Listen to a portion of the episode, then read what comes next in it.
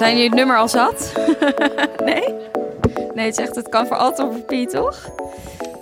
Oké. Zo Het is leuk dat jullie hier allemaal zo zijn. leuk. Ja. We zijn een beetje overwhelmed. Wow, ja, we zijn echt overweldigd. We hadden afgesproken om zeg maar daarachter te gaan staan en een soort van op te komen als een soort verrassing. Maar ik kon gewoon mijn ogen niet van jullie afhouden. Ik vind jullie echt te gek, allemaal. Zeker nu jullie al die dingetjes op hebben, is het helemaal eh, soort space. Maar goed, sorry. Superleuk. Ja, we beginnen natuurlijk gewoon met de intro voor de luisteraar thuis. Dus eh, het voelt een beetje ongemakkelijk, maar daar komt hij hoor. Ja. Je luistert naar de Monica Geuze Fan Podcast. En dit keer niet vanaf mijn zolderkamer, maar live vanuit Vondel CS met een best wel groot deel van de luisteraars. Hallo. Ik heb het gevoel, alle luisteraars, gewoon, dit zijn ze. Ja, het is wel echt heel bijzonder om nu te zien tegen wie we de hele tijd aan het hebben praten gepraat, waren. ja. Heel leuk. En eh, voor de luisteraar die er helaas niet bij is, op de achtergrond speelde net onze lievelingsvlog van Monica, de epische snack attack. Ja, Die snacks worden ook geserveerd. Er is Chardonnay. Er Ja. zijn knalroze ballonnen met Monica's naam. je Dus, kan naar de eh, wc en dan speelt de podcast door. Dus dat net vond ik alsof zo- je thuis Ja, bent. ja, eigenlijk precies alsof je alleen bent. En eh, ja, hi. Hallo. ja, even de opzet van de podcast. We gaan het hebben over kwetsbaarheid. Ehm, want we zijn benieuwd, hoe kwetsbaar stel je op als maker? Is kwetsbaarheid op sociale media oprecht? En waarom is kwetsbaarheid eigenlijk zo'n ding? En zijn wij eigenlijk wel kwetsbaar in de podcast? En om het ook een beetje gezellig te houden, want het is natuurlijk wel eh, een zwaar onderwerp. En eh, we houden wel van het strooien met filosofen. Hebben we jullie gevraagd om vragen in te sturen. En ook via Instagram, daarom zeg ik insturen. En eh, die trekken we tussendoor als het te zwaar wordt. Als het te saai wordt. Precies. Ehm, door. Ja? Heb je er nog zin in? Ja, ja. Oké, goed zo. Ja. Jij wilde een paar eh, luisteraars een nou ja, doen. ik, ik vind het gewoon te leuk, toch? Als je dan zo tegen... Want waar zit Andrew? Volgens mij zag ik je altijd... Ja, daar. Oh, daar Nou, is Andrew. Ja, nou, we hebben allebei gehuild. Echt, vond het echt fantastisch. Over kwetsbaarheid. En Isa, waar zit Isa? Ja, nog even voor de luisteraar, Oh. want die weet misschien niet wie Oh, ja. Andrew is. Want Andrew heeft namelijk een podcast, de Monica Geuze f- de Fan- fan podcast. Fan- Fanpodcast. zo meta, kan- Fanpodcast, ja. En Met dat- één aflevering tot nu toe, toch? Of is er nog een nieuwe in de maak? Oh, Vanavond echt? komt een Oh mijn god, wat Jezus, spannend. Nou, echt Jezus. Jezus. Wat leuk. En is, is Isa er? Of is die er niet? Oh, oké. Nou, die is, die is geen fan meer. En, eh, en, en eh, Monique, het meisje dat een meme voor ons had gemaakt. Die, oh, ben jij dat? Nou, ik vond dat ook zo vet. Echt zo cool dat je hier dan nu bent. Ik vind het ook, al- ja... vo- Voel jij je nu een soort van kwetsbaar? Want ik heb wel dat, dat ik dan, dan met dit, weet je wel. Je, je denkt misschien als je naar zo'n podcast luistert... dat iedereen maar... dat zo'n gesprek gewoon organisch eh, ontstaat of zo. Maar het is dus gewoon een eh, stencil van tien pagina's... wat gewoon wordt voorbereid. Dus tot zover onze magie, zeg maar. Zo. Ja, ja ik, ik vind het wel echt een hele andere ervaring. En ik denk Ja, dat het thema heel goed aansluit bij hoe ik me nu voel. ja? Ik denk dat er, ja, er, er is weinig zo kwetsbaar als voor een grote groep mensen op een podium gaan staan in mijn beleving. Ja. Maar volgens mij verschillen we hierin, want Doortje die kon echt niet wachten om Ja, op te ik vind het gaan. gewoon zo leuk om jullie allemaal te zien. Ja, echt, echt heel leuk. Ja, en ik vind dat dan toch wel spannend.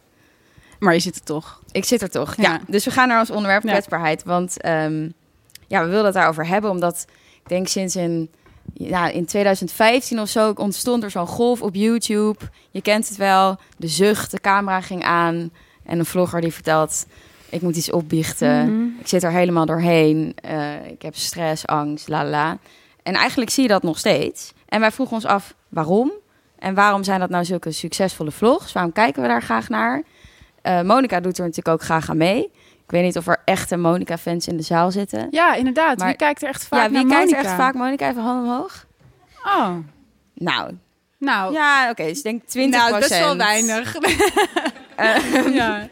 Maar de echte hardcore fan die kent ook wel de video van Monica... waarin ze, ik denk wel vijf minuten hysterisch huilt... omdat ze een muis heeft gezien. Ja. kent die? Die wie kent kent bijna die? iedereen zo te Oh, zien. dat- oh, die echt was viral veel. Ja, gegaan, ja. ja. Ehm, dus ja, door vind jij Monica kwetsbaar in haar vlog? Eh, ja, ik vind er wel zeker in de, in de wat zeg maar nerdier dingen. Dus bijvoorbeeld laatst dat ze dan eh, op, een, op een event was, volgens mij een première of zo, en dat ze dan op de play zat omdat ze niemand kende Ja. en dat dan laat zien. Eh, of, o- o- wat ik zelf ook altijd heel tof vind, is als ze heel erg, het heel erg schippert tussen bepaalde gevoelens. Dus het ene Mhm. moment voelt ze zich supergoed en het volgende moment voelt ze zich superkut. En dat het soort van. eh, ja, dat ze ook niet echt het gevoel heeft dat ze verantwoording moet afleggen voor dat dat, de hele tijd verandert. Ja, Eh, ja, ja, dat, dat vind is ik heel heel cool. echt. Ja. ja. Ja, en we hebben het daar natuurlijk ook wel over gehad toen ze de relatie uitging. Dan Ja. tien minuten later zet ze al een camera aan. bizar, ja. Ja, en daarvan kan ik me niet voorstellen dat je, als je je zo kwetsbaar voelt, wat nog iets anders is, denk ik, dan je kwetsbaar opstellen, dat je dan een camera aanzet. Maar misschien is dat ook wat er gebeurt als je zo gewend bent om de hele tijd te filmen. Ja, het is een vorm van verwerken, denk ik ook. Ja, ja, dat het echt een soort therapie is. Ja, het is net zoals in Expeditie Robinson, dat die mensen even apart gaan zitten in een camera praten, weet je wel. Dat Ja. is denk ik wat het gevoel wat het is. Ja, en dat heeft ze dan ook als ze op de wc zit voor het event. Ja. Dan is het gewoon een soort Het onrust. is een en intiem dan, moment. Ja, en dan is ze gewend om dat te delen. ja. Wat ik wel een rare interne tegenstrijdigheid is. Ja, maar het is natuurlijk ook gek, want, want als je dat deelt, net zoals wij met z'n tweeën die podcast opnemen, nu zitten er ineens allemaal mensen omheen. Denk ik, oh ja, de, de- zeg maar alles wat ik zeg, horen jullie nu in die rode oren van jullie. Maar normaal heb je dat helemaal niet. Dus als zij in haar eentje in hun, in hun, in hun telefoon praat, zal ze dat misschien ook niet eens hebben. Ja, Terwijl ze er kan miljoenen... er honderdduizend mensen Nee, stel je voor dat die er allemaal omheen kijken. zouden staan. Dat is natuurlijk bizar. Ja, dat brengt me ook wel op een vraag. Want ik vraag me af, kan je echt kwetsbaar zijn als je gemedieerd bent? Dus door een camera of op papier, als je schrijft, als je het filmt. echt een grappig woord, gemedieerd. Ja, dat is misschien een beetje... Ja, ik weet hoe zou ik het anders omschrijven? Ja, nee, ja. Dus niet in menselijk contact, maar geregisseerd. Ja, Ben je dan echt kwetsbaar? Ja, ja, super moeilijke vraag. Nou, misschien komen we er later dan achter. Ja, misschien moet dat, ja. de leidende moet dat de leidende vraag zijn Ja, van deze. Want naast dat je natuurlijk op YouTube zag dat heel veel mensen vlogs deelden waarin ze kwetsbaar vertellen over een burn-out en zo, Mhm. had je natuurlijk ook een beweging, ook rond 2015, die kwetsbaarheid als kracht ging neerzetten. Mhm. Ook met Bernie Brown, die een viral video had bij een TED-talk, waarin ze vertelt dat in een tijd waar eh, mensen ook kwetsbaar zijn, ze dat ook moeten laten zien. Omdat ja. Je kwetsbaar durven tonen eigenlijk de andere kant van de medaille is van ook juist goede gevoelens ervaren. Zo van je kan niet heel gelukkig zijn of heel erg verbinding hebben als je niet ook bereid bent om je kwetsbaar op te stellen. Het kreeg zo'n hele golf van allemaal zelfhulpgoeroes die zeggen dat leiders kwetsbaar moeten zijn. Maar waarom is het dan per se, denk je, kwetsbaarheid of zo? Wat ze... Ja, dat is denk ik ook lastig aan het thema kwetsbaarheid. Het is een soort containerbegrip geworden voor bijna eigenlijk alles wat persoonlijk of Ik open ben nu ook is. echt al zo klaar met het woord. Oh ja, sorry. Oh, Laten we een vraag trekken. Oh ja, laten we Ja. een vraag trekken. Het is best wel een grote pot. Het is een grote pot. Kleine arm. Kom maar door. En dit is ook wel meteen een test hoe kwetsbaar we zijn. Want straks krijgen we Ja. een vraag die we niet willen beantwoorden. Dus je leest hem eerst zelf. Ehm, ik vond de aflevering met ik wou dat ik zijn hond was. Van wie is deze vraag? oh ja. Over de Oh, durf je niet te zeggen? Oh, daar. Oh, ja. Hallo. Ik vond de aflevering met ik wou dat ik zijn hond was heftig kwetsbaar. Slaan we hier soms niet te ver in door? Hele goede vraag. Ja, vind ik ook een hele goede vraag. Ik ben wel benieuwd. Eh, Vind je het leuk om me toe te lichten? sturende vraag. Eh, Wat dan vind komt er jij? een microfoon Ja. naar je toe. Want ik ben wel benieuwd wat je er dan kwetsbaar aan vond... en wat je dan misschien te kwetsbaar vond. En je mag helemaal eerlijk zijn, want daar, daar staan we helemaal voor open. Daar komt hij hoor. Via het podium. De microfoon podium. komt, komt naar je toe. Neem ik ondertussen een glaasje een glaasje chardonnay. Chardonnay? Hoi. Ehm, Hi, hoe heet je? Marieke. Hi. Hi, superleuk om hier te zijn. Ehm, ik moet zeggen Cheers. dat dat... De, eh, cheers. Het was de, eigenlijk de enige aflevering die ik eh, halverwege heb uitgezet. Ehm, ja, omdat ik het gewoon zo... Ja, het ging voor mij echt tegen, alle, tegen alles in. Ik vond dat het... Ja, het, het ging heel erg over eh, jezelf kwetsbaar opstellen... maar ook jezelf heel erg omlaag helpen of zo. In een zekere zin. En eh, ja, dat ging voor mij niet echt op. En wat bedoel je een beetje met, met dat omlaag helpen? Nou ja, alleen al dat, dat, dat hele... Ik wou dat ik zijn hond was en daar Mm, ging het dan heel ja, ver over vond door. Het een beetje denigerend richt- richting haar eigen persoon. soort cultiveren Ja. van slachtofferschap Ja, of ja, zo. ja. Ja, ja. Oh ja, nou dat snap Ah, ik wel. Ehm, ik moet zelf ook wel zeggen dat ik... We hebben het hier ook veel over gehad van wat vinden we nou zelf te kwetsbaar. Ehm, en ik ben bijvoorbeeld best wel geneigd om heel veel te delen. En soms ook midden in een proces, wat soms niet per se handig is, want je weet nog helemaal niet wat de uitkomst is. En Doortje die beschermt mij daar altijd voor. Maar ik herken wel heel erg het gevoel, want ik heb ook laatst luisterde ik een podcast waarin iemand ook heel uitgebreid zijn break-up ging beschrijven. En toen voelde ik als luisteraar vooral zoveel ongemak. En dat ik ook zoiets had van, ja, nu zadel je mij met al het leed op. Wat moet ik hiermee? Het had niet echt een functie. Ja, het is natuurlijk wel interessant wat je zegt. Want ik denk wel, ik, ik ben het gevoelsmatig wel met je eens met dat zij zichzelf in die zin naar beneden praat. Ehm, omdat ze kiest voor een soort slachtofferrol. En de- die heel concreet maakt met dat willen zijn van die hond. Maar aan de andere kant denk ik, ja, ook, ook eh, gevoelens en emoties die misschien niet zo ehm, lovenswaardig zijn. Of die misschien niet zo mooi zijn of, of krachtig. eh, zijn het misschien wel waard om te bespreken. Eh, dus dat vond ik in die zin wel heel mooi aan Alma's boek. Dat het inderdaad, het gaat helemaal in tegen wat we nu willen. Dat mensen inderdaad zijn als ze, als ze net uit een break-up komen. Wil dat je zegt van nou, ik ben er beter van geworden. En, eh, en ik voel me veel beter. Terwijl zij zei, nee, ik ben gewoon nog liever zijn hond. Dan dat ik op deze manier doorleef. Dus dat, dat vond ik er wel cool aan. En sowieso was die podcast wel heel interessant. Want eh, nou ja, wij klagen natuurlijk soms dat we niet heel groot zijn als podcast. Iets wat ik me op dit moment echt heel, eh, ja, wat nu maar nooit zou durven zeggen. Wat je maar- criterium ja, is van groot, true. want dat verschuift natuurlijk de Maar wij tijd. merkten wel dat op het moment dat wij meer gingen delen over onszelf, en zeker in die podcast, eh, dat wij veel meer luisteraars kregen. Nou, ik denk dat het, tenminste voor mij was het niet eens per se dat we meer luisteraars kregen, maar we kregen vooral, je krijgt ook heel veel kwetsbaarheid terug. Terug, En dat ja. is het leuke aan, het leuke, het interessante aan kwetsbaar. Het is natuurlijk een uitwisseling, het is een relatie die je aangaat, ook met je luisteraars. En ik denk dat audio daar wel een vet medium voor is, want het is niet echt verhullend. Zo van als mijn stem breekt en jij hebt mij in je oren met je AirPods, dan hoor je dat. En ook omdat we een uur met elkaar praten, is er best wel Mm. veel ruimte dat er iets ontstaat. Wat niet geregisseerd is, zoals dat je een camera aanzet en gaat vloggen. Ehm, Ik heb het gevoel dat we deze kant van de zaal een beetje negeren. oh, voelen jullie dat Oh, ja, ook? Ja, heb je Nee. dat gevoel? Mag gewoon zeggen. Als iemand zich genegeerd voelt, mag zijn hand opsteken en zeggen. Ehm, Ehm, nee, zeker. En dat, en dat is natuurlijk wel interessant aan podcast, dat het inderdaad zo'n kwetsbaar medium kan zijn in die zin. Maar aan de andere kant heb ik ook wel het gevoel, en zeker bij podcasts, maar überhaupt bij alle media-uitingen, interviews, whatever, dat er ook een soort.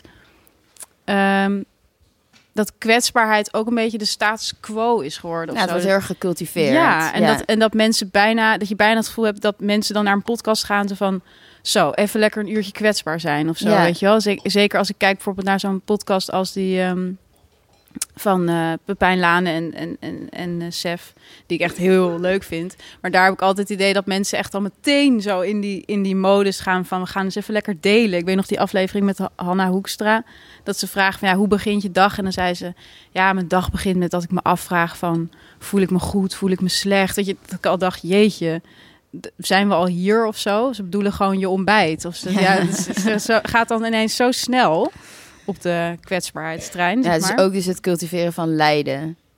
ja, maar het is ook gewoon dat het werkt, denk ik. Mensen vinden dat toch lekker, omdat Ja. het, het, het scoort gewoon. Ja.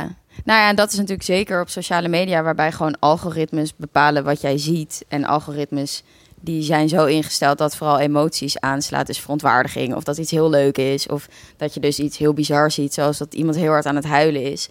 Dan merk je gewoon dat makers zich gaan vormen naar dat algoritme. Want die willen natuurlijk gewoon veel bereik en die verdienen Ja. hun geld daarmee. Dus dan merk je gewoon op een gegeven moment van... nou, wat scoort er met mijn vlog? Het zijn ofwel gender reveal parties of vrolijke gebeurtenissen... of ik moet weer een breakdown hebben... en heel eerlijk en oprecht vertellen wat er allemaal misgaat in mijn leven. En op zich, bij een podcast heb je niet een algoritme. Dus dat vind ik wel interessant, dat daar mensen hebben... Ik denk dat ook makers best wel behoefte hebben aan de therapeutische ervaring... van je hele verhaal delen in een, met een publiek. Ja, maar dat vind ik dus alweer lastig. Want als je dan zegt van therapeutische ervaring, dat heb ik dus zelf soms met, met, met van die kwetsbare dingen. Ik, ik denk soms wel waar. Van jezelf of van Nee, anderen? nee, nee. nee. Doortje is nooit kwetsbaar. kwetsbaar, maar, ehm, maar eh, nee, meer, meer van anderen. Of gewoon van, weet ik veel, dingen die ik zie of lees of hoor. Dat ik denk, waar, waar, waar eindigt de therapie en begint gewoon het iets willen maken? Weet je, het is Mhm. soms ook wel zo particulier aan het worden dat ik denk, ja, wat hebben we hier aan? En ik denk dat kwetsbaarheid wel, het moet een, het moet een middel zijn en niet een doel. Nou, ik, ik had het ook even over met onze podcastproducent. En die zei: een goede podcast is als het therapie is voor de maker, maar ook voor de luisteraar. En op zich wil ik het dan toch wel even opnemen voor de therapeutische effect die een podcast kan hebben. ik kan, dat heb ik trouwens ook gehad met vloggers. Het kan best troostrijk zijn eh, dat iemand eenzelfde soort ervaring heeft als jij, zonder dat dat in dienst staat van een hoger doel om een maatschappelijk probleem of zo aan te kaarten. Ja, ja. Dan kan gewoon die herkenning al troostrijk zijn. Heeft iemand wel eens een therapeutische ervaring gehad met een vlog of een Of met Podcast? een, een podcast. dat hij dacht, oh, ik voel me nu echt beter, want ik herken me in iemands verhaal. Daar. Hé, ik ben wel echt heel alleen dan. Dat, dat valt me echt heel erg Oh, tegen. nog één. En nog één. Wil je, het, wil je er iets over vertellen? Ja? Hoi. Hi, goedenavond. Hoe heet je? Hanna. Hanna, hi. Ehm, nou, het grappige was eigenlijk dat ik juist met de ik wil een hond zijn. Oh, ik moet dichterbij, sorry. Ik hoor Ah. mezelf nu ook harder, inderdaad. Ehm, dat juist met de podcast waar we het net over hadden, met ik wil dan zijn hond zijn. Ja, of ik met vond. Ja, precies. Vond ik juist wel heel, dat, daar herkende ik me wel in. Niet dat ik, een, dat ik iemands hond wil zijn, maar dat je zo wil voegen. Mag ook, als jij iemands hond Ja. wil zijn. Dat, nee, dat niet. Maar ehm, dat je je soms wel wil voegen naar iemand eh, om het makkelijker te maken. En dat herkende ik eigenlijk juist wel. En die veiligheid of zo. ja, en dat gaf me dat, dat, dat, soort herkenning gaf me eigenlijk ook wel een soort van, oh ja, dus ik ben niet de enige die dat soms denkt. Van nou, Mhm. misschien is dat makkelijker. Hmm, Niet per se beter, maar wel makkelijker. Ja. cool. Maar jij hebt dus het gevoel dat kwetsbaarheid een middel is, moet zijn. Ja, ja, dat denk en ik wel. voor wat moet het een middel zijn? Nou, ehm, ik las een beetje Foucault. Mogen we al een vraag stellen? Omdat ik wist dat hij een keer... Ik, ik herinnerde me dat ik iets ge- gelezen had over... Van Sartre? Eh, ja. ik herinnerde me dat ik een keer iets van hem gelezen had over biechten. En dat, eh, dat eigenlijk omdat we niet meer biechten... eh, dat we een andere, eh, andere behoeftes krijgen om de waarheid te vertellen. En onze eigen waarheid soort van op te zoeken door maar ja, te delen. Omdat Hmm. anders wordt, wordt, wordt je, ja, je innerlijke En je wil echte getuigen hebben. realiteit wordt, ja, Ja. wordt nooit echt. En dat heb ik soms ook een beetje het idee dat dat is wat sommige, sommige makers doen als het gaat om kwetsbaarheid. Dus dat het een, dat het een delen om het delen wordt. Snap je wat ik bedoel? Mhm. Ja, Ehm, dus meer een soort voor zichzelf, om er vanaf te zijn. nou, en wat, en wat, en wat eh, Foucault dus zegt, is dat, je, is dat eigenlijk die, eh, nou ja, dat, dat, dat eerlijk zijn en dat, dat delen van die waarheid over jezelf eigenlijk alleen zin heeft op het moment dat, eh, dat je een risico neemt. Mhm. En als je het idee hebt dat de wereld en jezelf er beter van worden. Hm, ja, En ik heb het idee- dat snap ik. Maar waarom moet het beter zijn voor de wereld? Wat heb je er anders aan? Of nou, zo? dat je verbinding aangaat met mensen. Nou ja, maar het, is, het, het heeft zoiets van dat je zegt van... ja, ik heb gewoon... ik heb- zou het liefst seks hebben met dieren of zo. En, Oh, dan, en dan kan je zeggen, nou, dat is zeg maar een, een, een, een risico. Maar wat heeft de mensheid Dat het dan Of het dierenrijk, of gewoon de hele wereld. Nee, oké, maar in, in, in het geval van, van in een podcast kwetsbaar zijn of in een vlog kwetsbaar zijn, dan kan je een relatie aangaan met je publiek. En dat is dan de functie ervan. Ja, ja, dus, maar dan, is het, dan doe je het dus ook eigenlijk weer voor jezelf. Want die Ja. relatie met het publiek is natuurlijk gewoon je met geld. als doel geld verdienen. En Ja, zo zien die zou ik er niet naar willen kijken. Want ook bijvoorbeeld naar aanleiding van de hond-podcast heb ik eh, echt... Volgens mij heb ik uiteindelijk wel een brief gestuurd naar een luisteraar... die zo Oh, diep, ja. diep liefdesverdriet had. Ik hoop dat het beter gaat. ja, Ehm, ja, dat heeft toch betekenis dat je, dat je contact kan hebben ja met die verbinding heeft wel betekenis. Ja, dus Ja. het is inderdaad, stel dat, stel dat je deelt van, nou, ik heb gewoon heel graag seks met dieren. En vervolgens blijkt dat meer mensen bezig te houden. Ja. En Maar eh, dat die zich daar heel gehoord in voelen. Het verschil ook wel dat podcast een heel persoonlijk medium, vlogs Ja. een heel persoonlijk medium, maar dat persoonlijke sausje zie je natuurlijk ook terugkomen nu in de literatuur, maar ook in hoe documentaires gemaakt worden. Alles wordt vanuit een ik beschreven en iedereen schrijft vooral het liefst over zichzelf. ja. Dan heb je het meer daarover, over de Nou, kwetsbaarheid ik- voor de maker. Ik dacht ook na van wat, wat, wat, wat is nou kwetsbaarheid? En ik vind dat echt zo'n moeilijk begrip eigenlijk om Ja. te, te duiden, om nu zo te omschrijven. Zeg maar als iedereen iemand daar een suggestie voor heeft, dan graag. het maar wordt ik- ook overal opgeplakt. Ja, het wordt Ja. overal opgeplakt, weet je. Maar het enige wat ik wel kan kon bedenken is dat voor, voor mij wat tegenovergestelde van kwetsbaarheid is. En dat is ironie, Hmm. denk ik. Dus op het moment dat je eh, ironisch bent, neem je altijd afstand van jezelf en van ja, je onderwerp, zo gezegd. Terwijl op het moment dat je kwetsbaar bent, denk ik, ehm, ja, er, erken je iets Mhm. en neem je er verantwoordelijkheid voor. Ja, En dat, en dat, maakt, dat maakt het ehm, ja, ook een soort van ontwapenend, denk ik, om kwetsbaar te Mm. zijn op, als je het op een goede manier bent. ik voel een vraag. Vraag? Ja. Eh, Uit, de, Ja. uit de pot of, of er eentje opgestuurd? We hebben ook DM's namelijk doen. mensen hadden ook opgestuurd. Dat, dat kan ik kiezen. Ja, kunnen cureren. Later ga ik kwetsbaar een vraag trekken. ik ga vast, ik ga vast ondertussen bij. ook een vraag. Ja. Oké, Door, ik stel hem eerst aan jou. Lasagne of tiramisu? Ehm, nou, goede vraag. Sowieso. Eh, lasagne. lasagne, ik ja, ga is meer variatie. Sowieso tiramisu. En eh, deze is ook heel leuk. Wat zouden jullie maximaal aan een Uber betalen na een avondje stappen? Eh, ja, veel. Sowieso Veel. veel. Maar, maar ja, het ligt echt ook heel erg aan de setting, aan de context. Ik zou zeggen in Amsterdam maximaal 50 euro. 50 Wie, max? wie zou er meer dan 50 Wie euro voor een Uber betalen? Na het uitgaan? Ja, ik Jaël. zie jou, Ja. ik zag je hand. Oké, behalve jij al? Als het heel hard regent? Nee? Ja, Oké, ik nou- vind 50 piek ook wel veel. Maar Oké. Het maximum. Wat heb jij voor vraag? nou, ik heb een hele leuke vraag. Help, ik ben verliefd op iemand die in een open relatie zit. Wat te doen? Ha. Nou, ja, nou, ik weet vraag. niet of degene die... dit- maar dat hoeft ook niet. Maar als je je hand op wil steken, dan... Nee, oké, nou prima. Maar ik vind het een hele interessante vraag, ja. Zijn nou, dit is mijn vraag? Dit is echt een vraag voor jou. Oh, oké. Ehm, Hoezo? Ehm, ja, zit ook heel veel in. Het begint al met die help, uitroepteken. Ehm, ik ben verliefd op iemand die in een open relatie zit. Wat te doen? Ja, je kan, je kan heel veel doen. Dat is een beetje het punt van een open relatie, denk ik. Ehm, ja, bedenken of je zelf een open relatie wil. Dat ja, is maar diegene heeft een open relatie, toch? deze persoon, zij, denk ik, is verliefd op, iemand, in, een, open relatie. Ja. Dus die... Nee, dus, die, dus diegene op wie ze verliefd is, heeft al een relatie, Ja, maar ja, die is, open. Ja, ja, we snappen elkaar. Check. Snappen jullie het ook? Ja. ja, wat te doen? Ik, ik vind Ik ook zie heel eigenlijk moeilijk. geen probleem, want diegene is gewoon vrij. Ja, ja, er is heel, Nou, heel objectief. alsjeblieft. We hebben, we hebben nog niet echt een adviesrubriek in nee, de podcast. ik vind dat, is duidelijk. lastig. Ja, eh, wat te doen? Ja, ja, wat je wil. Ja, ik weet niet. Oké, ik, ik ga er ook eentje uit. uit Nee, heb, jij moet heb jij geen antwoord? Nee, ik weet echt. Ja, ik vind advies Nee. geven echt heel moeilijk. Wil je eentje, wil je Ja, er ik wil, eentje ik wil pakken? eentje uit die. Dat is ook gewoon heel leuk om te doen, namelijk. Even kijken hoor.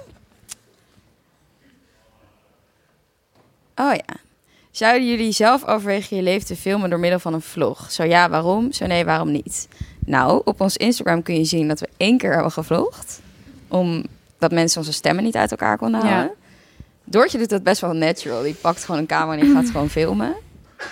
Maar ja, jij deed dat wel heel natuurlijk. Ja. Eh, ik zou het nooit doen. Ehm, omdat ik heel kriegel zou worden dat ik de hele tijd na moet denken over dat ik moet filmen. Omdat ik denk dat ik ook ik heel heb oninteressant mezelf, ben. Ik heb mezelf ook nog nooit gefilmd ehm, zonder jou. Oh, wat leuk. Ja, dus ik Dus dat ben is wel we een alleen. merk ja, nee, maar ik zou het dus ook heel raar. Ja, sowieso omdat we een brand zijn. Maar ik zou het ook heel raar vinden om mezelf te filmen eh, in mijn eentje. Ja. Dan zou ik ineens heel, zou ik het ineens heel eh, zielig vinden of zo. Ik heb mezelf een keertje gefilmd in mijn eentje toen je huis het aan het schilderen was. Ja, dat is echt fantastisch. Ja.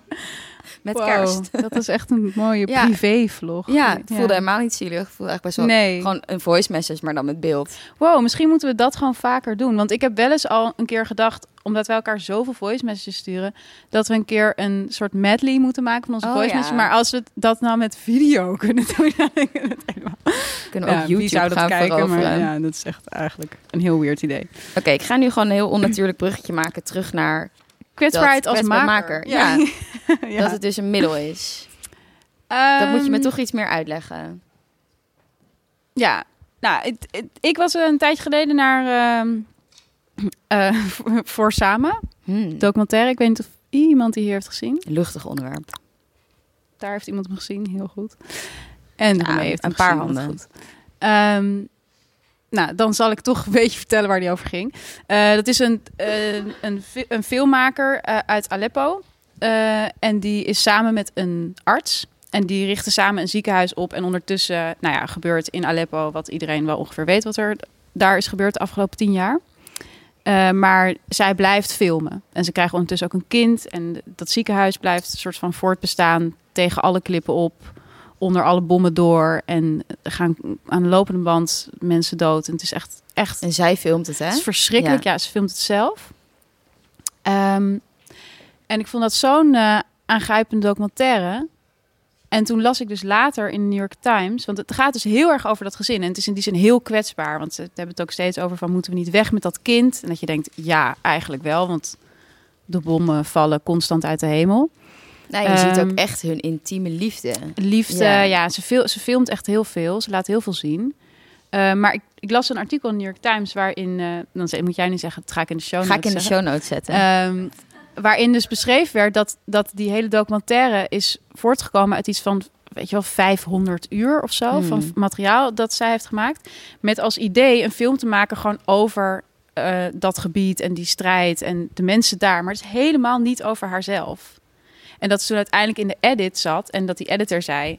Nee, dit is een film over jou. En dat ze zei, nee, maar dat wil ik niet. En uiteindelijk Hmm. hij haar heeft overtuigd. En ze echt de aller, allermooiste documentaire van afgelopen jaar hebben gemaakt. Maar ik denk dus dat het zo goed werkt in die film, omdat het nooit haar doel is geweest om iets over haarzelf te maken. Dus alles wat ze heeft gefilmd van haar eigen leven is een soort van toevallig. Hmm. En op het moment dat iemand zo erin gaat met, nou, nu ga ik eens even, Jezus, ik voel me kut vandaag, weet je, da- da- dan zit er al zoveel. ehm, nou, wat jij ook vraagt van, kan je gemedieerd kwetsbaar zijn? Dan ben je in die zin gemedieerd kwetsbaar. Maar als, het, Hmm. als alles wat intiem is, een beetje per ongeluk wordt gefilmd, Ja, dan is het echt kwetsbaar, Ja. omdat het gebeurt. Of Ja. Zo. Hmm. En dan kan het een heel goede vertelmethode zijn, blijkt dus. ja, gewoon net als dat je een verhaal schrijft en dat de ik gewoon een manier is om het op te schrijven, toch?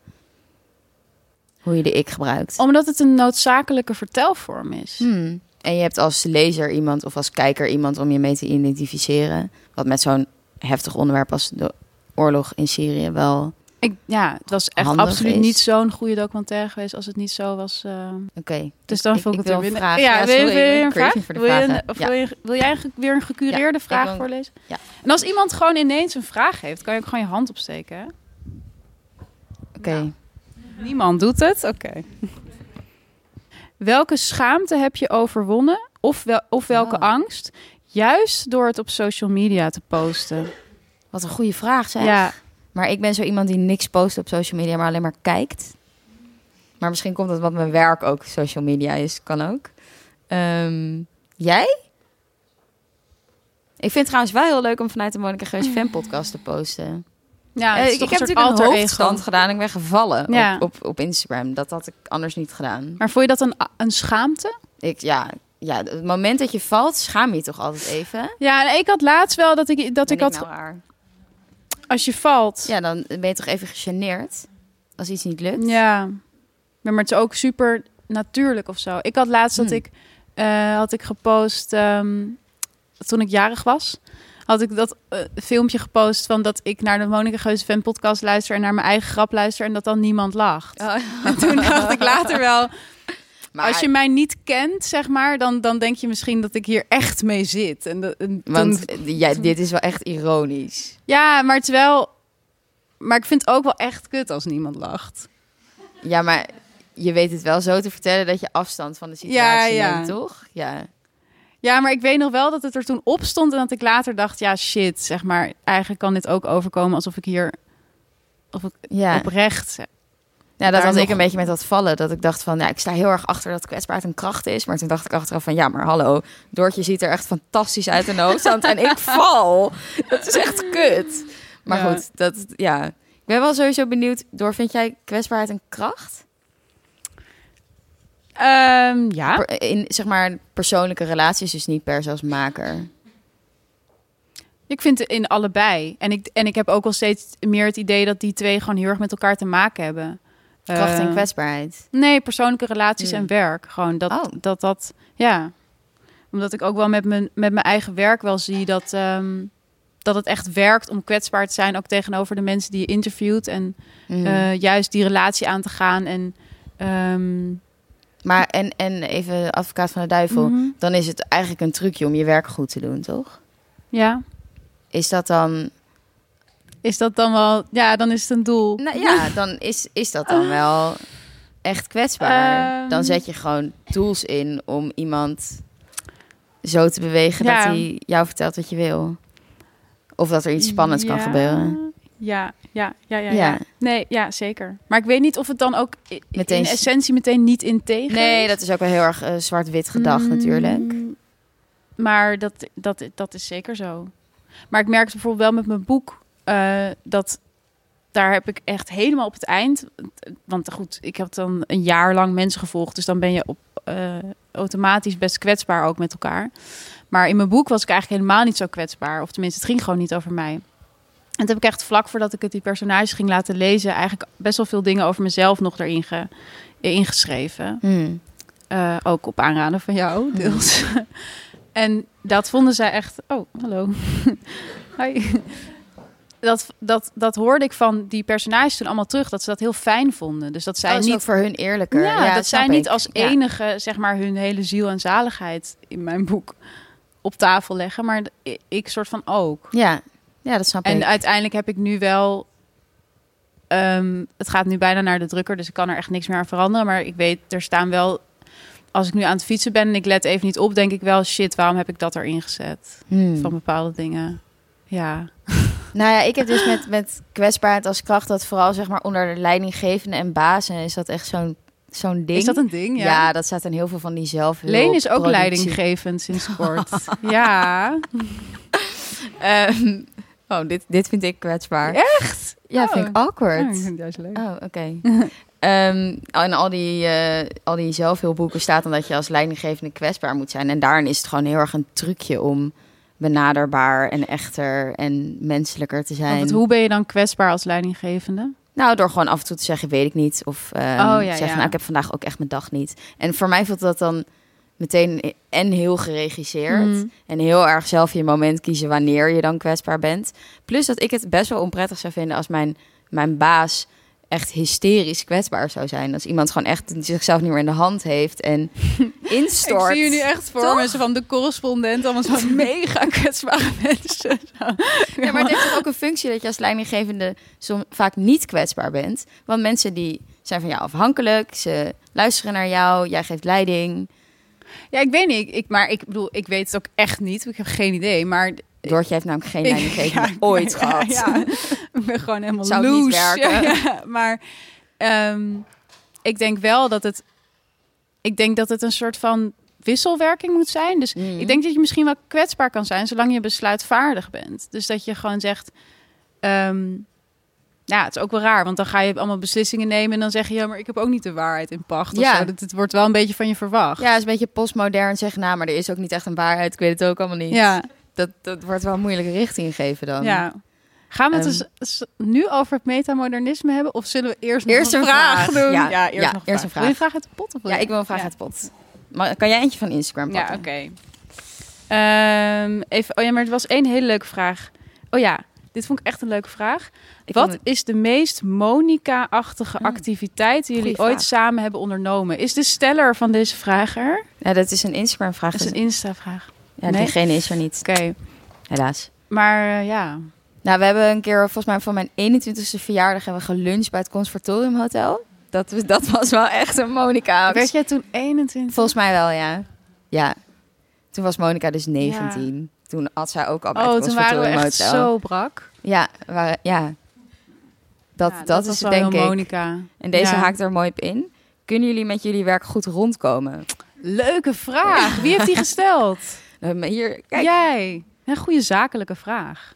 Ehm, Van de podcast in ieder van geval de podcast niet, ja.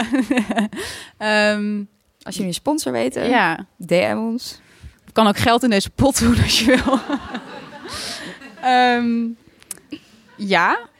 Ja, dat is eigenlijk mijn antwoord. Ja, maar ja, kijk, het is natuurlijk, wij daar hebben we het best vaak over. Van ik ben, ik ben freelancer en jij bent in dienst. Dus het is, het is bij mij natuurlijk heel anders. En ik heb, ik heb wel eens, ehm, ik heb wel eens de paniek van, ik ik verdien helemaal geen geld. Of, of ik verdien de komende tijd geen geld. Of ik, oh shit, ik ben eventjes een paar maanden vergeten om geld te verdienen. Eh, maar dan moet ik het weer oplossen. En meestal lukt dat, ja, dat lukt eigenlijk altijd. Ehm, dus ja, je komt wel, ik, ik kom wel gewoon rond, maar niet, eh, ik, niet, het is niet elke maand hetzelfde of zo. Ja. En jij? Ja, Ja, jij ik- komt rond. Ja, ik heb gewoon een eh, werkgever die betaalt. Ja. Dus daar kan ik van rondkomen. Shout-out naar de Shout-out correspondent. naar de werkgever. naar de betalende werkgever. Eh, maar van een podcast, eh, volgens, ik denk dat er niet mensen in Nederland zijn die daar rond van komen. Misschien Man Man Man, Man, de man. Die zouden daar wel van kunnen leven, ja, denk ik. Die hebben een hele grote sponsor, Auto.nl. Ja. Wij zijn ook in onderhandeling met en Auto.nl. Issy Paris. En Issy Paris. Easy Paris. Nee, maar is geïnteresseerd in ons. Dat is echt waar. Ik heb niet eens een rijbewijs. Ja. Moeten we niet zeggen. ik weet ook niet of het bij onze doelgroep past, maar ja, als ik kom maar nou, door. hoezo? Jullie zijn toch gewoon met de auto gekomen? Dat denk ik toch. Oké, ik ga er nog eentje trekken en dan Ja? gaan we naar Meta. Modern. Even kijken hoor. En als iemand nog vragen heeft, hè? Bedoel, eh, Dit gaat weer over geld. Wat leuk. Wat zou je doen en hoe zou je je voelen als je al je geld zou verliezen? Ik zou me heel kwetsbaar voelen. Ehm Doortje bellen. Of ik nog geld heb voor je Nou, in ieder geval om het te delen. te delen, ja. Want jij bent mijn getuige. Ja. Ehm, daar heb ik eigenlijk nog nooit over nagedacht. Wat Ja. echt mega privileged is natuurlijk. Ja. Maar jij? Ehm, Voor jou is het wel realistischer. Zo, want het zou kunnen... Nee, maar... nee, maar het zou kunnen gebeuren dat er opeens helemaal geen geld... De zekerheid is er niet. nee, nee. Ehm, maar wat ik zou doen als ik Ze zijn zo liefdevol naar elkaar.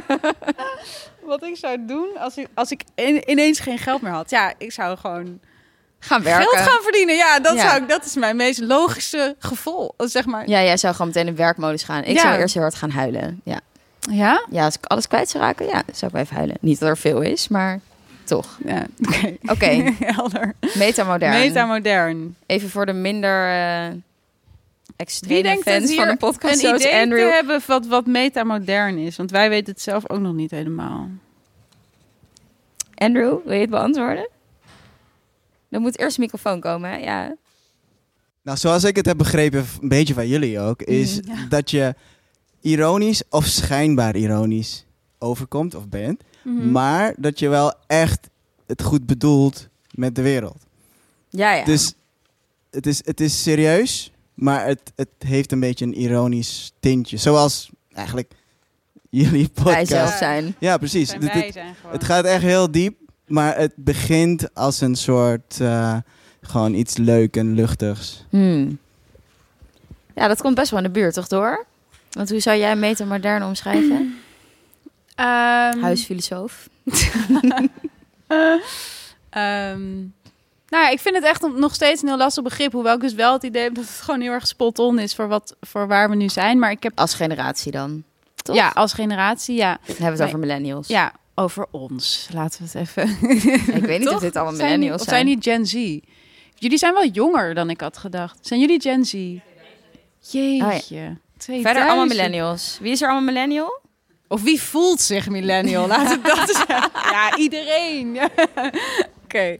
Ehm, Heel veel handen gingen omhoog voor de luisteraar. Ja, gelukkig. Ehm, nou, ik, ik, ik had een essay geschreven voor Vrij Nederland. Ehm Stond vandaag het stond online. toevallig vandaag online. Dat was fijn, want toen dacht ik... oh, oké, dan kan ik er ook met recht over praten... want dan kan het in de show notes. Ehm, waarin ik beschreef waarom ik denk dat ehm, wij, millennials... zo graag in memes communiceren. Eh, dus waarom je eh, in plaats van ik voel me kut een huilende Britney Spears in 2004 Mm. zeg maar stuurt naar je beste vriendin. En eh, ja, hier zitten twee mensen die dat ook die dat geregeld Jullie van mij dit krijgen. allemaal. Ehm, en kwam er een beetje op uit dat dat eigenlijk metamodernisme is. Wij zijn opgegroeid in een tijd waarin we nog heel, eh, zeg maar, dat ironie en sarcasme nog heel erg Het postmodernisme. ja, echt postmodernisme. Dus Jiske Vet, South Park, weet je wel, nooit iets serieus nemen, nooit ergens voor gaan staan. Dus nooit zo iets erkennen en er verantwoordelijkheid voor nemen dus. Ja, en internet en ironie kwamen wel een soort van samen. Totaal, Ja. weet je wel, echt zo, we zijn helemaal gepeppe de frogged met elkaar. En uiteindelijk komen, ja, komen we wel in een tijd waarin er gewoon... eh, en daarom nou ja, kunnen we dan even naar de Gen Z'ers kijken of dat inderdaad zo is. Maar eh, er zijn natuurlijk zoveel echt belangrijke dingen die aandacht bedienen, verdienen. Zoals gewoon alleen al het klimaat is gewoon... Groeiende ongelijkheid. Ja, groeiende ongelijkheid. Nou, dat soort dingen. Ik waren net bij jou thuis, lag, lag dat nieuwe boek van Piketty ook alweer klaar om gelezen te Ik worden. ben ook een beetje huisfilosoof. Ja. en ehm, nou ja, je ziet dat, dat op het moment dat dus onze generatie daar aandacht aan wil besteden, dat het. Ja, is het hardcore serieus. Ja, dat, maar nee, maar dat het dus dat, eh, nou ja, dat oprecht zijn dan echt een act wordt. Omdat maar voor Gen Z is dat helemaal oprecht, Nee, toch? voor ja, dat Gen is echt een Z, activistische jullie generatie. is Jullie doen dat het gewoon, echt goed. Jullie gaan, weet je wel, jullie ge- mar, mar- gaan op mars voor het klimaat en vrouwenmars en dingen. Maar zeg maar, onze generatie staat dan bij zo'n klimaatmars met eh, een bord zo van winter is not coming. Weet je, dat is Mhm. zo. Je, ja, maar dat is dat. Ja, dat gebeurt. En je, je wil je ook distancieren, omdat we het toch moeilijk vinden. doordat, ongemakkelijk vinden. Ja, om- dat je bij een groep hoort. om ergens Ja. zo voor te staan. En als ik het goed begrepen heb, is dat metamodernisme. Dus is het het, het, het, het trachten om uit een omgeving van sarcasme en ironie en zo oprecht te zijn. Ja, ja, het is gewoon eigenlijk toch het continu schipperen tussen ironie en oprechtheid. Waardoor eigenlijk je oprechtheid nooit volledig oprecht is. Omdat er altijd ironie overheen kan. Toch? Dat is het. Je houdt altijd Je- een veilige Het is een afstand. beetje zo van... eh, je stapt in de oprechte trein, maar je stopt wel om de vijf minuten, omdat je er misschien nog uit wil. uit wil. Ja, dat Nou, is de trein is de nieuwe metafoor van de podcast. Ja, misschien wel. Ja, Ja, leuk. ja. Mobiliteit, Ja. belangrijk vraagstuk. Het Hebben we het een andere keer over. Ja, ja. En, ehm, ja, maar wat denk jij? Ja, wat is je Vind jij- favoriete meme? Dat wil ik wel even weten. Oh, ik had vandaag weer een hele goeie met een eh, zo'n kat. Die was helemaal nat en helemaal in de war. En, en dan stond iemand zo van... eh, friend, did you just cry? En is van me, why? No, of course not. Weet je, zo wel de meta-bespreking van een podcast over een meme. We zullen hem linken in de show notes. Ja. Maar memes kan je eigenlijk niet zeggen. Hoe bedoel je? Je Nee, kan niet een uitleggen. meme uitleggen. Nee, want je hebt ook een hele toch? grappige met een pompoen. die zeg maar is ingezakt. En dan staat zo van... Me having a anxiety in attack in public of zo. Maar ja, die moet je echt gezien hebben. Of.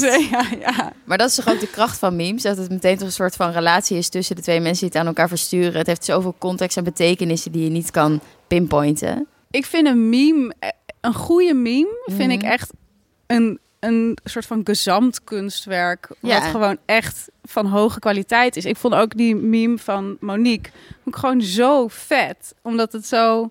Nou, het was dan Beyoncé die zogenaamd iets herkende in de podcast. Ja, dat vind ik dan zo grappig. Ja. Wat is jouw favoriete meme? Heb je een favoriete nou, ik ben, meme? ik ben dus niet zo'n heel erg meme-gebruiker. Nou. Volgens mij kreeg ze een tijdje van Doortje, maar volgens mij zit ik niet meer in je In meme. Rolodex. Dus ik krijg er weinig van mijn collega Malouk. Shout-out naar Malouk. Ehm, mijn favoriete is de Floors Lava. Dan Ja, met. Stalin. Ja, ja, ja. Die is ook zo goed. dat is denk ik mijn favoriete meme. Waarom is die zo grappig? Ja, ik weet niet, omdat hij natuurlijk ook wel... eh, ja, voor... eh, ja, het is nu goed getimed. En hij is gewoon heel weird en lelijk. En ook omdat het een atypische meme is. Het is niet zeg maar over de laatste Netflix-serie of over Beyoncé. Nee. Maar goed, we moeten nog heel even over je Vrij Nederland stuk hebben. Want Oh. het ging specifiek over My Therapist Says. Ja. En dat is een meme-account. Wie kent dat meme-account op Instagram? Kijk eens ja. even. Wat Dat is veel. wel spot voor onze Wat doelgroep. goed.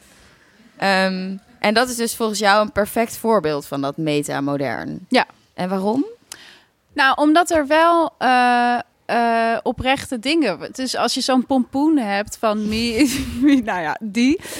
Dat gaat wel over een angstaanval, weet je. Dus er wordt wel iets eh, geagendeerd... wat wel voor veel mensen echt een concreet probleem is. Wat goed, mensen lopen naar de bar. Dat, daar, is gewoon nog heel veel wijn en dingen. Dus doe dat vooral. Ehm, Bombeertjes. En er zijn ook bombeertjes en spekkies. Ehm, maar op een, op een manier waar, waardoor het soort van veilig is. Of waardoor ja, je altijd nog kan zeggen... Oh ja, ik kijk ga gewoon een, kijk therapeut, gewoon een maar ik maak er wel grappen over. Ja, precies. Ja, Ja. het is gewoon een meme. Weet je, dat, dat, dus dat, dat, ja, dat vind ik er metamodern aan. En ze hebben ook een oprecht account, toch? Ja, ze hebben nu ook een oprecht account gemaakt. Dat heet My Therapist Helps. En dat is een beetje voor mij het demasqué van... Nee, het is heel goed. Het is heel goed dat het er is. Want het is... het is een echt account of een oprecht. Dat is echt een oprecht oprecht account. Dus Daar je hebt sowieso heel veel therapie-accounts gewoon van therapeuten die advies geven op Instagram. Dat is echt een ding. Ja, maar dit is dus wel echt zeg maar de quote met een zee op de achtergrond. Oh. Met zo van. It's never too late to ask for help of zo, weet je. Dus dat Hmm. soort dingen. Dus de- daar wordt dat dan wel weer het helemaal dezelfde serieus. makers? Ja, Oh, wat interessant dat ze dat wilden doen. maar je moet die makers eens bekijken. joh. Dat zijn echt ontzettend lekkere wijven namelijk. Oh, Ja, heel interessant. hoe verdienen zij geld dan? En zij hebben gewoon sponsordeals. Voor zij hebben sponsored posts, ja. Oh, echt? Wat zijn dat dan voor sponsors? Nou, gewoon een tissue merk of zo. Hele letterlijke sponsor. Oh, Geen geen idee, weet ik niet. Oké, Ja. we gaan nog even naar een vraag. En ik denk dat we dan ook al een beetje op het Gaan we... Ja? einde lopen. Oké. Wil jij niet nog iets zeggen over metamodern? Wat ik ook... Nou, is ik de denk dat... correspondent metamodern? Nee, de correspondent is oprecht. Oh. Ja. Ehm, werken hele grappige mensen wel. Ehm, nee, maar ik denk dat metamodern is ook een beetje onze verdeling, toch? Ik, ben, ik neig wat meer naar de serieuze, oprechte kant. En jij, Ja. jij bent wel koningin van de ironie. Ja, Ja. misschien. Maar Dat ik probeer het wel echt... Ik, pro ik probeer wel echt minder ironisch te zijn. Lukt dat? Ehm, Ja, je bent hier niet alleen maar ironisch. nee, Nee. toch? nee, het, het lukt wel oké. Ja, Waarom wil je minder ironisch zijn? Omdat ik het interessanter vind, denk ik. Ja, je gaat Om- meer verbinding aan natuurlijk. Ja, en het is gewoon... ehm, ironie is zo veilig. Hmm. En eh, ja, in die zin ook saai. Hmm. Ja, ze staat minder op het spel. Ik denk ook misschien, ja, je kan ook nog ironisch worden als je 70 bent of zo. Weet je, dat is gewoon, het kan altijd nog. Oké, kom maar met die vraag. Oké. Er eentje van de Insta tussendoor. Het is wel een interessante vraag, maar het is echt. Deze kwestie schoot mij vanochtend te binnen. Als je de kans zou krijgen om een pil te nemen die een oude scharrel slash liefde onwijs ongelukkig of ongemakkelijk moment in je leven doet vergeten, zou je dat doen? Zo ja, waarom? En wie zou, of wat zou het dan zijn? Specifiek, iemand heeft Sowieso, deze situatie heeft meegemaakt, deze maar die durfde niet om advies te vragen. Ja, want ik heb wel het idee dat jij het antwoord wel hebt. Dat jij wel iets eh, te zeggen hebt op deze je moet hem nog... Hij is zo specifiek. Hoe Ja. heet je? Ik heet Carlijn. Hi. Hi, Carlijn. En ehm, ja, ik had voor, toevallig vanmorgen dat ik over nadacht, omdat eh, toen ik naar deze podcast ging, eigenlijk mezelf zat te bedenken wat mij kwetsbaar zou maken. En dat ik over bepaalde situaties in mijn leven ging nadenken, ehm, wat deze kwetsbaarheid heeft ja, veroorzaakt. En toen kwam eigenlijk inderdaad dan de kwestie van, nou, als er een pil zou zijn die, dan, die ik zou kunnen nemen, zou dat mij dan een soort van minder kwetsbaar hebben gemaakt dan op dit moment. Hmm. Ehm, dus dat leek me wel interessant om aan jullie dan te stellen. Ja, dit is, dit is echt zo'n een klassiek filosofisch dilemma wat je bij ethiek krijgt. Zo van, zou je in een badkuip gaan liggen met alleen maar prettige ervaringen? Of wil je toch het echte leven aangaan? Maar schaamte is wel echt een rotgevoel en het voelt ook heel weinig functioneel. Dus daarom snap ik wel van alle kutervaringen dat schaamte dan misschien de eerste is waar ik een pil voor zou nemen. Want er is nooit een moment geweest ik me Maar aan de andere oh, zinnig. kant is zeg maar het overwinnen van een gevoel van schaamte wel echt zo eh, vormend of zo. Ja, ja, dat je weet dat je dat wel weer overleeft. En dat Ja. je daarna ook gewoon weer voor een groep met mensen staat of whatever. Ja. Waarvoor je je schaamde. Ja, Dus ik, ik denk, ja, ik denk niet dat ik die pil zou nemen, maar jij? ik denk ook niet dat ik die pil Nee. zou nemen. We zijn Maar niet vraag. red pilled, helaas. Nee. Wil je nog geen? Dan ga ik tussendoor... eh, zou je een relatie met Monica kunnen hebben? Wie had die gesteld? Is die er? Lijkt me echt een inkoppertje. Ik zou zeker een relatie met Monica kunnen hebben. Vind haar sowieso heel aantrekkelijk. Ik ook. Ehm, volgens mij is ze heel oprecht en chill ook. Lijkt me wel raar om een relatie te hebben met iemand die vlogt. Ja, dat lijkt me ook wel ingewikkeld. Dat ook dat moment van wanneer appear je dan voor het eerst in de vlog. Toch een beetje alsof je iemands Ja, ja, kind ontmoet, weet je wel? Van dan is het definitief. Ja, dat is wel ineens heel... ehm, ja, Ja, ik zou het ook heftig vinden om in Vinkenveen te wonen. ja. Dan moeten we toch auto.nl nog eens checken. Moet ik snel rijbewijs als we die driehoeksrelatie met Monica nog willen aangaan. Eh, in hetzelfde hoekje. Wat zou je samen met Monica willen ondernemen als je één dag had samen en één uur? Dus ik denk, je bedoelt of één dag Nou, of dat- één uur, niet een dag en een uur. Dat Van wie is de vraag? Van jou. We willen het straks ook van jou weten. Ja. Ik zou die Ehm, epische snack attack doen, een uur lang. Dat lijkt me echt fantastisch. Ik zou toch McDrive. Oh ja. Ja, Weer de auto. ja, maar ik kan ook niet rijden, dus ik tijd bij iedereen in auto's. Ik denk het dat. Dat is één uur. Mhm, En een dag... Ja, vind ik dan wel weer lastiger. Ik ook. Misschien naar de bodyfix. Maar dat duurt toch niet een hele dag? Nee, ja, McDrive, bodyfix, snack attack. Dat is vier uur. Ja, en dat is natuurlijk ook het ding met vloggen. Je denkt dat je weet hoe iemands dag eruit ziet, maar dat weet je eigenlijk niet. Want het is heel selectief wat ze laat zien. Ja. Ik zou dan eerder voor die periode gaan dat ze met Leeuw Kleine was... en dat ze dan een pedicure kreeg en dat hij even een Chanel-tas afdropte en weer Ja. wegging. Daar zou ik dan voor gaan. ja. Dat lijkt me echt top. ja, dat is inderdaad wel top. En nu, nu willen we het van jou weten. ja, wat zou jij doen? Nou, ik ben toevallig wel door de McDrive geweest voor ik hierheen kwam. Oh, echt? Echt? Ja. Dat- nou, Waar kom je wat vandaan? goed. Eh, Utrecht. Utrecht. Dus eh, ik dacht, dit moet. Het is Ja. in het Ja. eh, wel een vega. Ik wil het met chicken, vragen. want, Wilde je dat? maar wel met friet. Eh, nee, ja, ik zou ook wel gewoon voor de klassieke soort van shopdag Ja, van de- blow dry nog nooit gedaan. Maar Blow dry, eh, ja. eh, maar ze heeft soms echt vijf van dat soort afspraken op een dag. Nou, het lijkt me Dat echt een dagtaak. Ja, Ja. maar dat, zoiets. Ja. En gewoon. eh, Maar ik kan me ook voorstellen dat je dan, weet je wel, als je bij de kapper zit en dat moment hebt dat je zo van iets te lang naar jezelf hebt gekeken en jezelf ineens heel raar vindt. Ja, ik kan me ja, gewoon ja. voorstellen dat je dat ineens, dat je dat op zo'n dag hebt keer tien. Maar misschien heb je dat als vlogger sowieso als je jezelf edit de hele tijd. Weet niet, vind jij je stem raar in de podcast? Nee, daar ben ik helemaal aan Ja, dat is gek, hè? Want in het Ja. begin konden we dat echt niet horen. Dan zaten Nee. we echt van... En ik- we gingen ook heel anders praten, volgens mij. Ik ging wel veel netter praten in het begin. Ja, en op een gegeven moment ging je juist met je plat praten. Ja, ook ik leuk. heb ook een fase, platte fase gehad. Ja, maar ik merk dat ik nu, af. nu... Nu praten we ook natuurlijker, denk ik. Omdat we onszelf niet horen. Ja. Nou ja, en ook omdat het meer voelt alsof je met mensen bent. Normaal zitten we natuurlijk best wel... Ja, mensen tweeën met zo'n stencil met allemaal notities. Ja. Ik ga er nog eentje trekken en ik denk dat we dan gaan afronden. Want we willen ook gewoon nog heel graag met jullie borrelen jullie en praten. ja. Ehm, dus als je nog een hele prangende vraag hebt, dan, is dit het dan mag moment. je hierna. Even kijken hoor. Oh, goede vraag. Wie volgen jullie op YouTube, Instagram waar je gelukkig van wordt? Ehm, nou, mijn vrienden.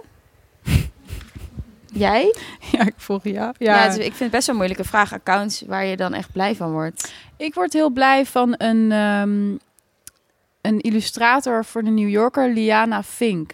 Oh, Die vind in ik- de show notes. Ja, die vind ik ook heel metamodern. Hmm. Die is... ehm, die, die maakt eigenlijk hele simpele tekeningetjes over haar eigen leven. En haar leven is echt opstaan naar een koffieshopje gaan om te gaan zitten tekenen. Punt. Eigenlijk dat is het. Het is in zekere zijn ook wel maatschapp, maatschappijkritisch, maar wel vanuit haar hele mini-wereldje of zo. Dus dat is wel... Dat vind ik wel een hele mooie Ik zal morgen een paar op, eh, van het onderwerp kwetsbaarheid. Ja, ik zal er morgen een paar op Insta zetten. Nou, als er geen prangende vragen ja, meer is zijn... er niet één vraag nog? Doortje Of wil nu heel durft graag. niemand daar? Is nog één vraag. Yes.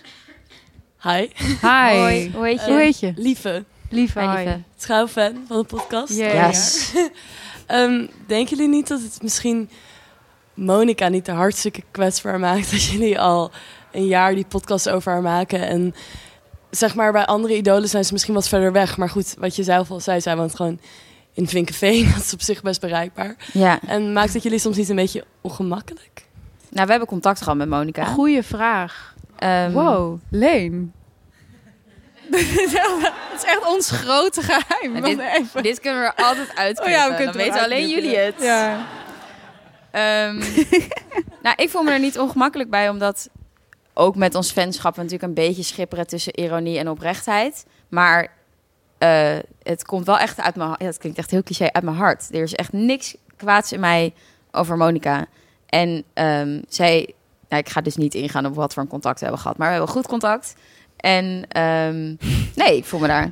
Ja. Wat? Wat zit je mij uit te lachen? Ja, we hebben één keer We hebben één keer, ja, het is niet als... we, we bellen maandelijks. Klinkt als ze zeggen, we hebben goed contact. Alsof ze eigenlijk staat ze hier. weet leuk. Ja. contact? Ja, was leuk. Moesten we ook van huilen. Dat ja, is we ook heel mooi. Ja. Dus ik, nee, ik voel me daar niet ongemakkelijk over. Maar dat, in het begin was dat wel meer. Maar ik denk dat we ook... Ja, Monica al een beetje... Ze is niet per se het centrale onderwerp van de podcast. Ehm, Nee. Nee, en ik denk dat het wel is dat uiteindelijk waar onze podcast een beetje op neerkomt of waar het om gaat, is dat we ehm, een wereld bekijken die we soms heel problematisch vinden, maar, in, maar waarin wel we vinden dat er heel veel mensen zijn om van te houden. mm. Elkaar, maar ook iemand als Monica Geuze. En dat je dat denk ik gewoon het interessantst is om te kijken waar, waar is het nog leuk, zeg maar. Ja. En dat vinden wij wel heel erg bij haar. Maar dat wil niet zeggen dat we het, het systeem waar ze onderdeel van is niet kunnen bekritiseren. Ehm, ja, dat eigenlijk. Dus nee, ik voel, me, ik voel me daar niet ongemakkelijk bij. En ik hoop zij ook niet. Oké, dan gaan we nu die flesje Chardonnay leeg drinken. En een selfie maken. En een selfie maken, ja, met het publiek. Ja, dat leek Dat, ons eh, nou leuk.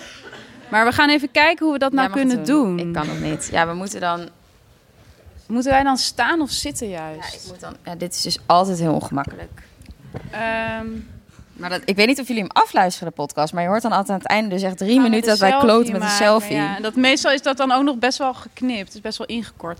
Even kijken. Nou, ik kan Ja? niet... Oh, oh, ik laat hem bijna vallen. Kijk, je krijgt moeilijk iedereen erop. Kan Ja, misschien... nou, zo heb je er best wel wat mensen op. Yay, jongens. lachen jullie. Ik ga hem in een paar keer doen. We gaan eerst zo. Hey. Ah. Leen. En even de andere kant. Nou, ik ga nog met jullie. Alright. Oké, nou bedankt voor het luisteren. En Jongens, eh, op en naar de Chardonnay. Blijf nog even aan de bar staan, want Ja. willen jullie allemaal super graag ontmoeten. Thanks. Doei. Dankjewel.